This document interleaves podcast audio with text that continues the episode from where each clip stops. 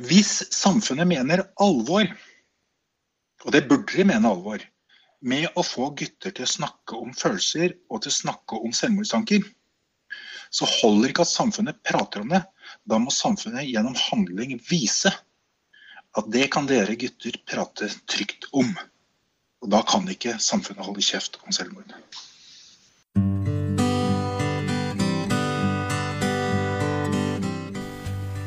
Velkommen til en ny episode av Selvmordspodden. Poenget med podkasten er at ikke én til skal velge selvmord. I dag er du her med Anne Gillebrekke. Og dere som har hørt på noen av episodene våre, vet at eh, hovedfokuset vårt er unge menn som er usynlig deprimerte. Det vil si at ingen vet at de sliter med slike tanker, og de klarer heller ikke å snakke til andre om dette. I dag skal vi snakke med Anders Li Brenna, som mistet sin 19 år gamle sønn 29. august 2020. Han jobber daglig som ansvarlig redaktør i nettavisen enerwe.no, og etter sønnens selvmord så har han brukt mye tid på å lese seg opp på selvmordsforskning og statistikk, samt å undersøke hva som kan ha vært årsaken.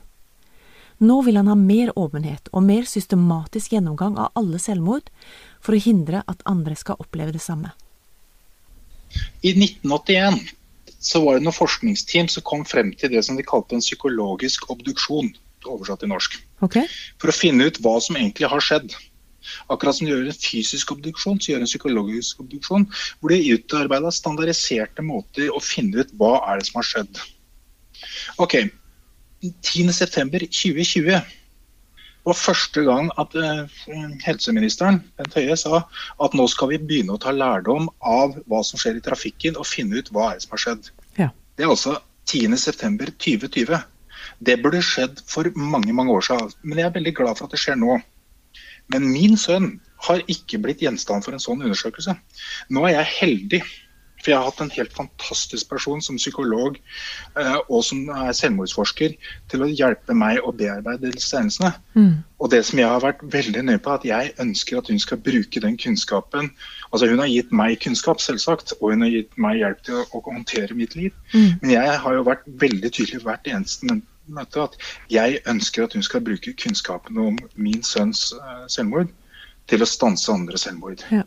Men det har ikke vært en systematisk gå ned og finne ut hva er egentlig ting her. Hva er fellestrekk med andre? Hva er forskjellige ting? Hva er ting? Det er rett og slett ingen spørsmål som stilles.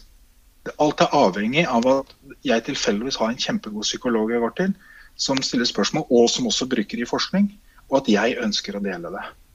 Men du, du har jo snakka noe i Nettavisens eh, artikkelen om at uh, du ønsker at man skal gå inn og finne Altså, du ønsker å finne årsaken til at sønnen din døde, og også at det er liksom masse spørsmål som vi stiller hverandre. Og da har jeg liksom tenkt at det er venner og fagpersoner, som du sier, altså de som er rundt, ikke sant. Og vi har spurt i Selvmordspodden, har vi spurt mange forskjellige. Mm. Men det du snakker om er at eh, man bør gå enda mer systematisk til verk. Altså finne ut hva legen har sagt for noe. Hva slags, eh, hva slags signaler ga han sjøl til fagpersoner? Var, var, noen av disse her på besøk altså, Men så har vi, ikke, har vi, ikke, rett til å se noen av disse tingene, så vi kan finne ut av det sjøl? Eller hvem Jo, og jeg har drevet etterforskning, men, men nå skal jeg si, i kraft av mitt yrke som journalist, så er jeg eh, jobben min er å stille spørsmål. Ja. I kraft av min bakgrunn før jeg ble journalist, så jobba jeg i IT-bransjen som programmerer og med data, så jeg er vant til å jobbe med tall mye mer enn de fleste journalister. Så jeg har også undersøkt f.eks. ting som andre vanlige mennesker ikke er i stand til å finne ut av, fordi de har ikke den tekniske kunnskapen som jeg har, og ikke kontakt med de tekniske folka som jeg har der hvor min kunnskap ikke er god nok. Så jeg har på en måte gjort en etterforskning på egen hånd. Og så er det veldig viktig at jeg har ikke etterforsket så at jeg skal finne noen som er skyld. Den viktige, den aller, aller viktigste biten jeg har gjort når jeg har funnet ut de tingene jeg har funnet ut, er å sjekke ok, da var det i hvert fall ikke noe sånt. Mm. For en av de vonde tingene når ikke vi så det komme, sånn, bare sånn, så får du sånne vonde, ubehagelige følelser. Er det noen som har gjort ham noe? Mm, har han blitt utsatt for et eller annet? Har han slitt med noe økonomi? Har han blitt utsatt for noe, og så leser du andre saker og så tenker du det verste. og sånt. Men takket være at jeg har eh, fått undersøkt en del ting, og her vil jeg bare si, her har jeg fått kjempegod hjelp av politiet. Politiet har vært helt fantastiske. Eh, det er en dame i politiet i Oslo som alle som har vært hos bare, Det er sikkert ikke hemmelig hva hun heter, jeg kan godt si Anne Grete Larsen. En helt fantastisk person som har stilt opp for meg og alle andre av de som jeg har blitt kjent med og hjulpet så langt de kan. Så det, Dette er ikke noe som står på at noen ikke har giddet, noen ikke har hatt lyst, noen har ikke prioritert. Nei, alle har gjort det de vil. Ja, For du opplever at du har fått god, god oppfølging etterpå, du? Av flere instanser? Jeg vil bare si jeg har ingenting annet enn skryt å gi til alle som har fulgt opp oss fra det ble kjent av det brevet. Mhm. Så har jeg fått superb hjelp. Alle sammen har stilt opp med alt som finnes av ressurser for meg og min familie. Det har ikke blitt spart på noe. Alle har bare sluppet alt og hvert. Politiet, helsevesenet, kriseteam, psykolog. Absolutt alle. Jeg er sannsynligvis veldig heldig, men jeg har fått fantastisk god oppfølging og jeg har fått fantastisk god hjelp. Det Så, så det jeg er ute etter her nå, er ingen kritikk av noen etater, enkeltperson. Tvert imot, jeg vil skryte av absolutt alle jeg har vært i kontakt med. Mm. Eh, Det jeg ønsker, er at vi skal komme videre, så ikke vi skal sitte, at ikke flere skal sitte der med den helt forferdelige opplevelsene vi hadde. Mm. For det er Jeg tror ikke vi kommer til å klare å løse alle. Men hvor mye hadde vi ikke løst hvis vi hadde løst 10% av alt selvmord i Norge? Hvis vi hadde løst 10% redusert antall selvmord i Norge med 10% så snakker vi om 60-70 personer som ikke tar livet sitt. Mm. Ikke sant? Og vi skal ikke mer enn til 20% en femtedel. Ja, da snakker vi plutselig om 140-150 mennesker. Så mange mennesker med å forbedre litt. Og da må jo nøkkelen være å faktisk stille spørsmål. Ikke for å avsløre hvem har skyld, Mm. men for å finne ut av det. Og som jeg sier, at den viktigste kall det etterforskningen jeg har gjort, er ikke for å finne ut om noen har gjort noe galt, men det er for å sjekke ut ingen har gjort noe galt. Det er ingen jeg har grunnlag for å være sint på. Mm. Det er en trist og en tragisk hendelse som jeg må bære resten av livet. Mm. Men jeg behøver ikke å gå rundt og lure på er det noen som har gjort noe galt. I teorien kan det selvsagt være det, men det er usannsynlig at noen har gjort noe galt mot sønnen min. Ut ifra hva jeg har klart å sjekke ut. Og det er der jeg ønsker Den delen der vet jeg mange andre sliter med. At de går og lurer på er det noen som har gjort det, er det noen som har ikke gjort det. Mm. Og da er ikke en etterforskning sånn der liksom mislykkes fordi etterforskningen ikke fant en skurk. Nei, etterforskningen ville kunne vært supervellykket hvis vi sagt at nei, det er ikke noe problem der. Mm. Det er ikke noe sånt. Det er ikke det. Fordi det selvmordsforskeren som jeg har snakket med, og selvmordsforskningen som jeg har lest, har hjulpet meg med, er ikke å gitt meg svaret på hva som har skjedd og hvorfor det har skjedd. Men det har gitt meg det som jeg, eh, et ord som jeg liker veldig godt, det er plausibelt. Det har gitt meg plausible forklaringer på hva som kan ha skjedd. Mm.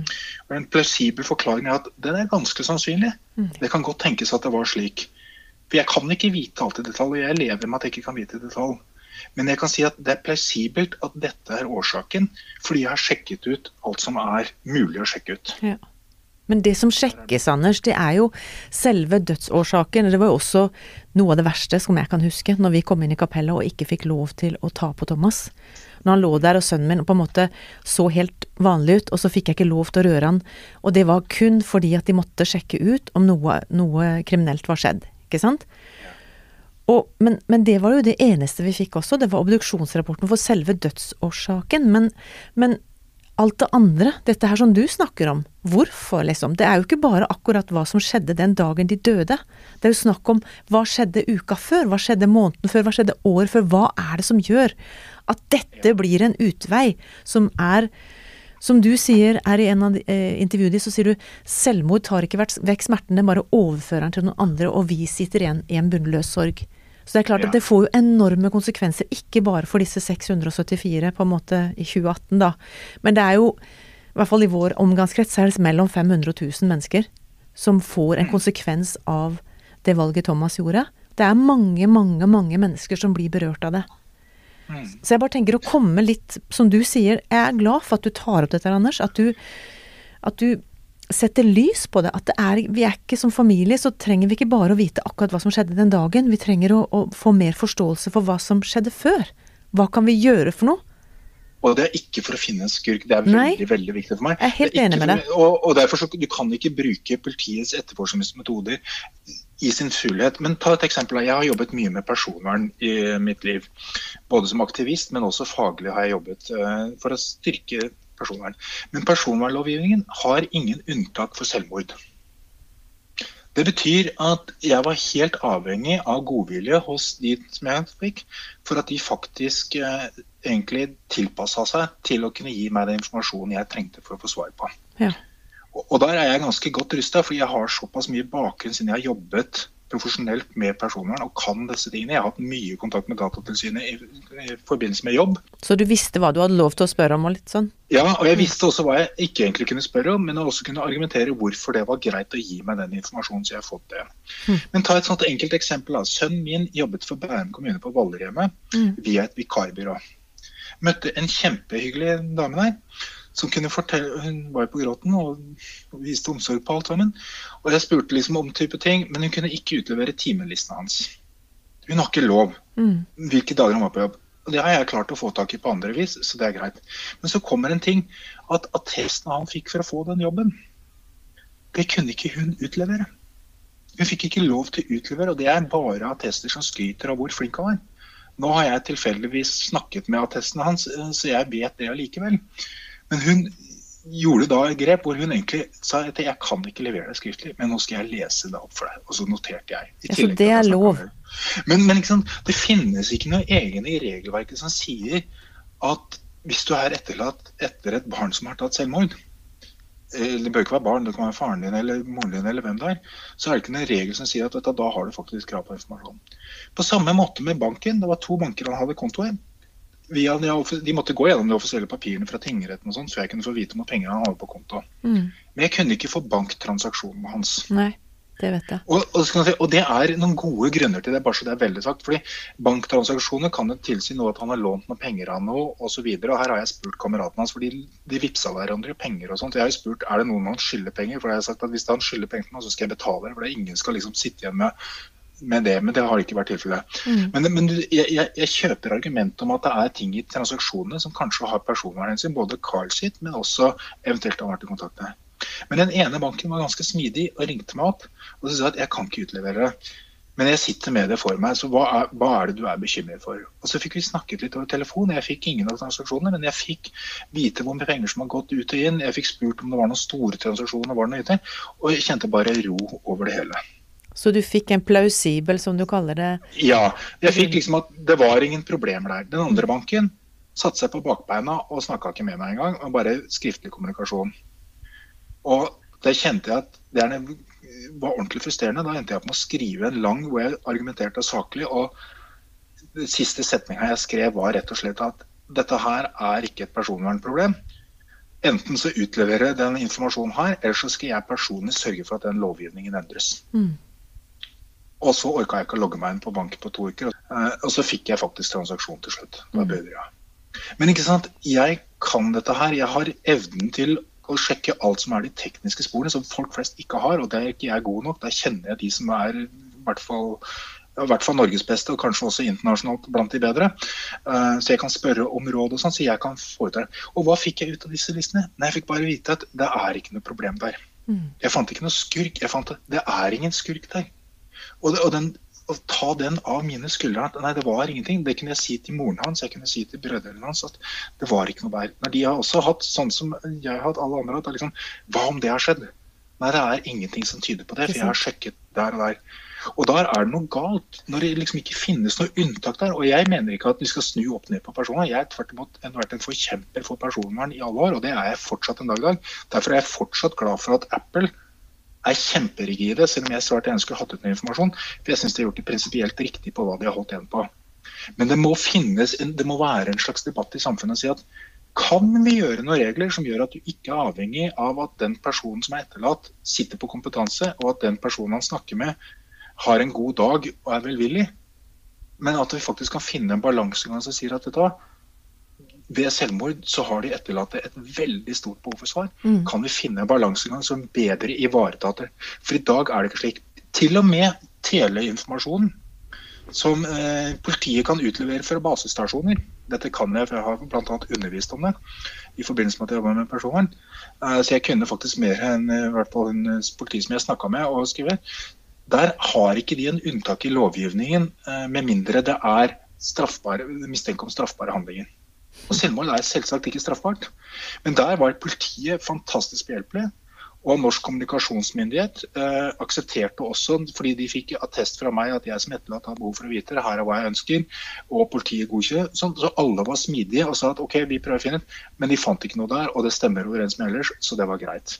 Men tenker du at politiet skulle hatt en rolle inn på en måte og gjort For, for meg, når du sier alle de tingene du har gjort, så husker jo jeg at jeg pusta meg gjennom hvert brev som kom, alle telefonsamtaler jeg måtte ta, alt som måtte sjekkes ut når ikke du aner noen ting. Så tenker jeg Åssen kan man forvente at familien orker å ta denne her gjennomgangen her sjøl? Altså, burde det vært på en måte en, en, altså en politisak? At, at politiet gikk inn. Vi skal finne ut av hva var det som var årsaken som lå bak dette her. Vi skal ha innsyn i banker og i eh, om det er legejournaler eller et eller annet sånt. For vi skal kunne klare å sette en greie på slutten. Eller hva tenker du? Jeg sier ikke at vi skal ha det. Det jeg er ute etter, er at det må finnes en eller annen form for uh, unntak. Og så må vi ta en diskusjon om hvor skal balansen gå. For jeg er ikke tilhenger at vi skal fjerne personvern fordi noen har tatt selvmord. Bare så det er veldig veldig klart. Jeg er tilhenger at de som har tatt selvmord, har krav på personvern. Jeg er tilhenger at de som, den som har tatt selvmord, har vært i kontakt med, også har tilgang på personen. Og Det er f.eks. grunnen til at jeg ikke har logget meg inn på noen av disse tjenestene der sønnen min har brukt kjempemye tid på å kommunisere med venner. Mm. Jeg har klart å komme dit hen at jeg er i stand til å logge inn der, men jeg har ikke gjort det. Ja. Og det som er så viktig der, er at jeg har hatt en veldig god dialog med hans venner en uke etterpå en uke, så kom de 18 stykker på det her var jo før restriksjonene med korona var så stramme, men det kom 18 stykker til oss. Og vi hadde pizza, og alle satt og prata og fortalte om Carl. Og jeg har fått vite så mye fordi de har delt med meg. Ja, det er helt Og så har jeg lyttet. De har delt med meg. Og de har vært med på å gi meg den tryggheten at han hadde ikke noe problem med blant vennene der. Det er ingen som har sett noe. Og jeg liksom følger jo med. Liksom, okay, Er det noen som sitter og holder på å sprenge fordi de ønsker å fortelle noe? Mm. den type ting. Jeg har eh, Senest på fredag en venn fra oppveksten eh, som er litt lenger tilbake i tid, var på besøk av så gikk vi på grava sammen. Vennene til Carl har vært helt fantastiske til å fortelle meg ting. Mm. Da vil ikke jeg gå tilbake mot dem og logge inn på en tjeneste hvor de har kommunisert for å se om jeg finner noen spor. Det skjønner jeg. Vi har på en måte fått den tryggheten for at vi har fått det. Og har, de har jo til og med jeg har til og med fått videoer hvor Carl har vært litt sånn, sånn Jeg vet ikke om jeg sier bøllete, men litt sånn herre klovnen i klassen som har vært litt sånn ypp og gjort litt sånn uskyldige rampestreker. Da, Men ting som foreldre aldri ville få se, det har jeg fått se video. Jeg har fått sett video at han, han og kamerater har drukket seg ordentlig full i rusttida. Jeg mm. vet jo at han har gjort det, for jeg har vært og henta han. Uh, men jeg har fått se de vinene. Jeg har fått tilgang på det. Men da vil ikke jeg misbruke det ved å logge inn på en tjeneste. Men jeg trenger heller ikke, for jeg har fått de svarene jeg trenger å vite at det er ikke noen problemer der. Så du har fått på en måte en fred ja, inni deg? Jeg har fått, ja, og, og, den freden den er så viktig. For den freden trenger jeg nå. Den trenger moren hans, den trenger brødrene hans. Men jeg trenger den også om ti år. Mm. Jeg trenger den om 20 år, om 30 år. når detaljene begynner å bli glemt, og jeg begynner å lure på kan det ha vært noe sånt? Mm. Men da vet jeg at da har jeg undersøkt alt som kan undersøkes. og bare, vet du, Jeg undersøkte det, det var ikke noe spor av det. Mm. Jeg kan ikke si 100% at det ikke har vært, men jeg kan si ut ifra alt jeg har undersøkt, så er det usannsynlig at det har vært noe der. Og da kan jeg få en fred og en ro. Og denne freden og roen har jeg fått. Så jeg snakker ikke for min syke mor, som begrepet heter. Liksom. Mm. Jeg snakker ikke for meg selv eller min sønn her nå. Det jeg er ute etter, er at man må ta en lærdom her både denne informasjonen, slik at man kan finne ut hva var det egentlig som skjedde under selvmord, og hva det som ikke skjedde, sånn at andre kan lære av det. Men også så vi som etterlatte kan få fred. Mm. Da vil jeg at andre etterlatte også skal få det. Men jeg har ikke tenkt å bli noe privatdetektiv for andre etterlatte, bare så det er veldig sagt. Og det ønsker jeg ikke å være. Men det er sånn, det er noen ting man rett og slett ikke har tenkt på. Mm. Fordi heldigvis, selvmord er jo unntak. Det er, det, er, det er, jo ikke vanlig med selvmord. Det er unntak. Det er altfor mange. Eh, men det betyr jo at hvis ingen tar opp disse tingene, så fortsetter vi bare som før. Og hvis ingen tar opp disse tingene, så fortsetter tallene bare som før. Mm. Hvis ingen tar opp disse tingene, så er det akkurat det som eh, Albert Einstein sa en gang til. At definisjonen av galskap er å gjøre det samme om igjen og om igjen, og likevel forvente et annet resultat. Den er kjempeviktig. Det er, der, det er der vi er med selvmord. Vi er på galskapen at nå skal vi fortsette akkurat som før. Vi skal snakke litt om det, men ikke så mye. Mm. Vi skal fortsette akkurat som før og så skal vi tro at tallene går ned. Nei, de gjør ikke det. Så det som jeg satte veldig pris på, som jeg sa i stad, om denne nullvisjonen for selvmord, er at nå skal vi endelig ta lærdom fra trafikkdødsfall. Og gå gjennom og finne ut hva er det som har skjedd. Mm. Men det har man ikke gjort med meg. Jeg vet ikke om det har gjort med deg. Men man har ikke gått inn og funnet ut liksom, hva er fellestrekkene, hva er unikt, hva er, er det, uten å finne en skurk. Vi er ikke ute etter en skurk. Vi er ikke ute etter skyldfordeling. vi er ute etter liksom, La oss finne ut av det, slik at andre slipper å oppleve det vi har opplevd. Mm. Og Det er liksom essensen. Nå har du snakka ganske mye, og du og meg vi kunne snakka sikkert en time til, vi altså. Men, men, jeg har lyst til å bare høre med deg, hvem har egentlig betydd mest for deg disse fire månedene siden Karl eh, Andreas døde? Ja, det vil jeg si foreldrene mine. Ja. Og så selvsagt kona mi. Og selvsagt brødrene til Karl. Og så har jeg også vært bra at jeg har hatt en god dialog med moren til Karl. Mm. Uh, og, sånt. og så er det vel egentlig at jeg tror det er en samleting, for jeg har liksom fått høre at uh, altså det, det, er vanskelig å se for seg at det kan være verre enn det er. fordi det gjør så vondt, det jeg kjenner på nå. Mm. Men jeg har jo fått høre av andre som f.eks. ikke har vært åpne, og ting de sliter med på toppen av det jeg sliter med. Altså hvor mye verre det faktisk kan være selv med selvmord, som du ikke tror, det, det kan ikke bli verre enn nå. Fordi folk ikke har vært åpne og dermed liksom kjent på en forknytt, og at liksom ting ikke har vært løst. og sånt. Så, så, jeg vil vel kanskje si at ja, det er det jeg nevnte som har liksom vært det viktigste for meg. Men det har også vært viktig at jeg har ikke møtt annet enn velvilje, øh, sympati, støtte, oppmuntring, forståelse fra absolutt alle jeg har vært i kontakt med. Det er liksom alle slipper det de har i hendene. Eh, alle tar hensyn. Eh, alle vil deg godt. Det er veldig godt å høre, altså. Ja, det er liksom Det er så mange positive ting man kan ta her, og jeg ønsker derfor ikke at liksom Når jeg tar og sier ting som kanskje er som du sier, litt overraskende, og den vinklingen har jeg ikke sett før, det er ikke, det er ikke noe snakk om liksom, å nei, her skal jeg gå til angrep på noe. Det er ikke en kamp jeg ønsker å gjøre, liksom. Mm. Jeg har bare møtt god velvilje og liksom Carl har bare møtt god og liksom sånt.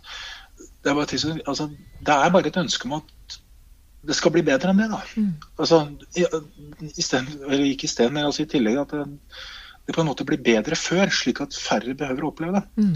Og så håper jeg jo at, for jeg har jo hørt på podkasten med deg, og sånt, og jeg har jo fått høre fra andre som ikke har fått den støtten jeg har fått. og jeg tenker liksom at ja, Det er jo helt jævlig at de ikke har fått den støtten. For jeg tenker liksom, da har jeg i hvert fall slitt.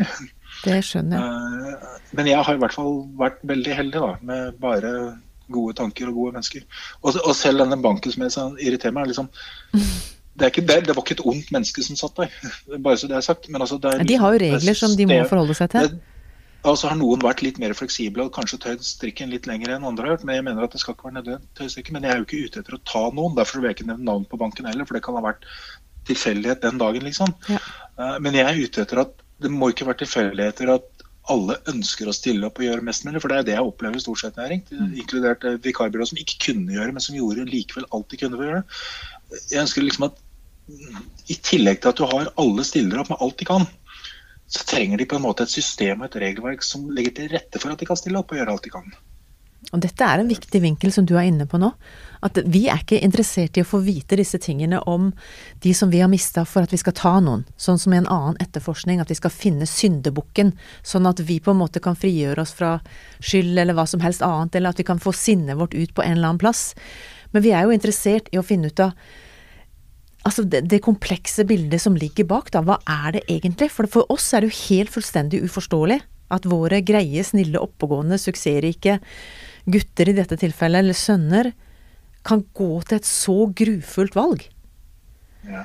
Og så er det, akkurat der, Når du sier det, så bare en liten ting som er veldig viktig for meg. det er at Vi skal ikke komme så langt for at vi forstår det. Uh, vi skal ikke komme dit at vi liksom forstår selvmordet. Vi skal forstå på en måte alt opp og rundt det. Mm. Men på en måte den, den tingen skal på en måte være litt uforståelig. Altså, det skal ikke være logisk for oss at OK, ja, da er det logisk, liksom. Mm. Ja, da skjønner jeg, liksom. Men en skal på en måte forstå alt rundt for å gjøre noe med det. Ja. Og så må man akseptere litt at det der er helt hinsides. Det er helt uforståelig. Men forstå mest mulig rundt det. Men jeg har ikke sånn ambisjon å sette meg inn i det. Da tror jeg jeg hadde blitt gal hvis jeg skulle liksom komme og si at nå skjønner jeg det, nå, nå forstår jeg det. liksom. Det, mm. det, den, den, vil jeg ikke forstå akkurat den siste biten, jeg vil forstå alt helt opp til det. Alt rundt ønsker jeg.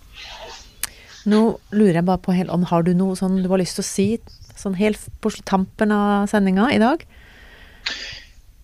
Ja, jeg har lyst til å si én ting som går inn på den biten her. Og det går på at, eh, og dette gjelder alle, men det gjelder spesielt gutter. Eh, samfunnet har en tendens til å si at nå må gutter bli flinkere til å snakke om følelser. Og så sier man at ikke bare det, man må i hvert fall bli flinke til å snakke om selvmord og selvmordstanker. Og det bør de selvsagt bli.